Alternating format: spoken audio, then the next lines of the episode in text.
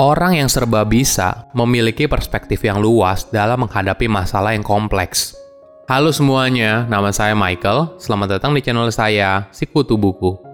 Kali ini saya akan bahas buku Range Why Generalist Triumph in a Specialized World karya David Epstein. Sebelum kita mulai, buat kalian yang mau support channel ini agar terus berkarya, caranya gampang banget. Kalian cukup klik subscribe dan nyalakan loncengnya.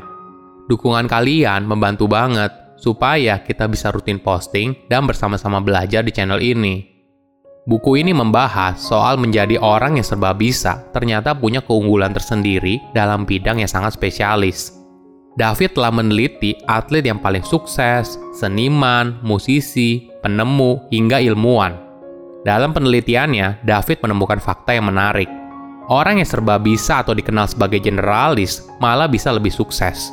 Ini mematahkan anggapan lama kalau kamu mau menjadi ahli dalam sebuah bidang, kamu harus mulai dari awal dan menjadi spesialis dalam jangka panjang. David punya argumen yang berbeda.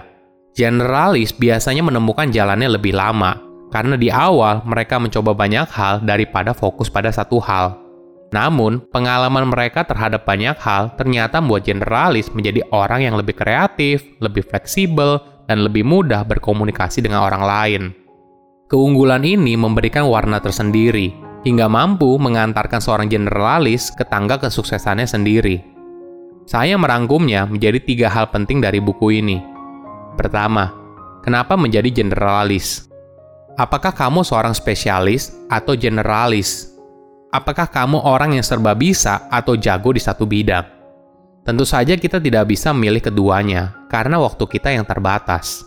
Ini memang sebuah dilema, banyak orang beranggapan kalau jadi generalis bukanlah hal yang baik. Bahkan ada istilah Jack of all trade, master of none. Artinya, kalau kita jadi orang yang serba bisa, kita tidak punya keahlian apa pun. Ditambah lagi, kita terbiasa diajarkan kalau di dunia yang serba kompetitif, kita harus menjadi spesialis yang hebat sebagai pembeda dengan orang lain. David punya pandangan yang berbeda kita harus mencoba banyak hal dulu, mendapatkan banyak pengalaman yang beragam, dan bereksperimen tanpa henti. Atlet profesional bisa sampai di puncak karirnya karena mereka menghabiskan waktu yang banyak untuk berlatih daripada rekan yang lain. Namun ada hal yang menarik. Ketika para ilmuwan meneliti perkembangan atlet tersebut dari kecil, ternyata ketika kecil, para atlet profesional tersebut menjalani fase yang disebut oleh para ilmuwan sebagai sampling period ini adalah fase di mana mereka mencoba berbagai jenis cabang olahraga. Saat itu, mereka mendapatkan berbagai keahlian fisik dan mulai memahami kemampuan mereka masing-masing. Hingga akhirnya, mereka memilih untuk fokus pada satu bidang. Tiger Woods yang merupakan juara dunia permainan golf internasional telah berlatih golf sejak usianya 2 tahun. Namun tidak semua atlet sukses harus seperti Tiger Woods yang merupakan spesialis sejak kecil. Roger Federer yang merupakan salah satu pemain tenis terbaik dunia punya jalur karir yang berbeda. Pada saat Roger kecil, dia mencoba banyak olahraga dulu sebelum akhirnya jatuh cinta pada tenis. Beberapa olahraga yang Roger kecil tekuni seperti olahraga ski, bola basket, skateboarding, dan bulu tangkis. Walaupun ibunya merupakan pelatih tenis, namun dia tidak pernah melatih Roger karena tidak ingin mencampuri pilihan olahraga Roger. Hingga pada akhirnya, Roger baru mulai fokus tenis saat dia remaja. Bagi Roger, mencoba berbagai cabang olahraga membantu dia dalam membangun koordinasi yang baik antara mata dan tangannya.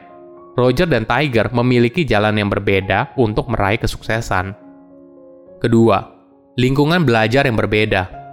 Ada sebuah teori dari seorang psikolog bernama Robin Hogarth. Dia membagi situasi pembelajaran seorang menjadi kind learning environment dan wicked learning environment. Kind learning environment adalah kondisi di mana pola pembelajaran sudah jelas dan yang paling penting, setiap kali kamu melakukan sesuatu, umpan baliknya sudah jelas seperti apa. David mencontohkan kind learning environment seperti catur dan golf. Di dua cabang olahraga ini, aturannya sangat jelas, dan langkah apa yang kamu ambil, maka kamu bisa langsung melihat umpan baliknya dalam sebuah pola. Kamu hanya perlu menyesuaikannya.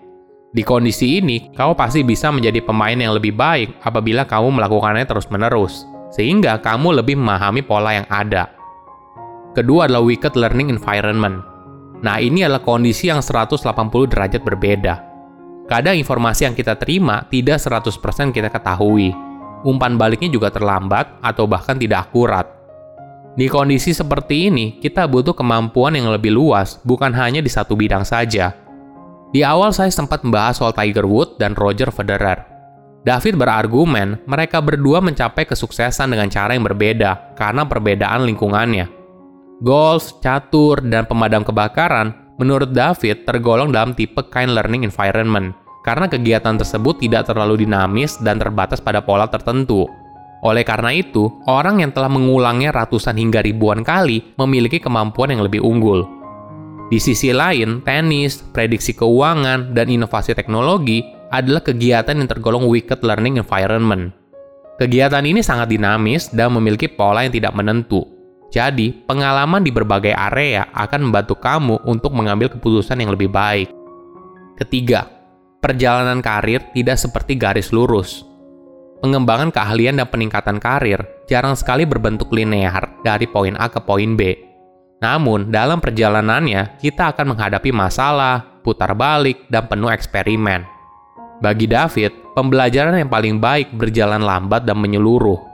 Hal ini membutuhkan waktu bagi seseorang untuk mencoba bidang yang lain. Itulah sebabnya kita tidak perlu merasa ketinggalan. Apalagi ketika kita melihat orang yang lebih dulu memulai di bidang yang kita jalani sekarang.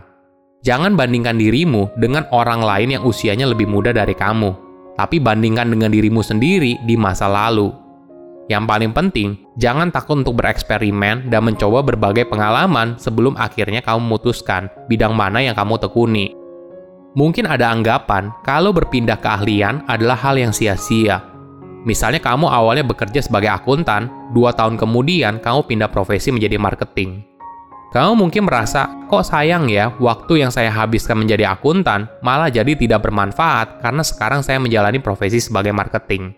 Coba kalau dari awal saya mulai menjadi marketing, pasti karir saya lebih cepat. Apakah ini benar? Belum tentu. Pengalaman kamu sebelumnya bukan berarti tidak berguna, namun akan membantu kamu dalam profesi yang kamu jalani sekarang. Saya jadi teringat kisah Steve Jobs. Dia bilang, dulu saat masih kuliah, dia mengambil kelas kaligrafi. Mungkin banyak orang melihat itu tidak ada gunanya bagi perkembangan karir. Namun ternyata, kelas kaligrafi tersebut membantu Steve Jobs dalam mendesain huruf yang ada di Apple, sehingga sekarang kita punya font yang bagus di komputer. Jadi, tidak benar apa yang kamu pelajari sebelumnya tidak berguna. Semua hal itu akan membantu kamu di masa depan karena memberikan perspektif yang baru.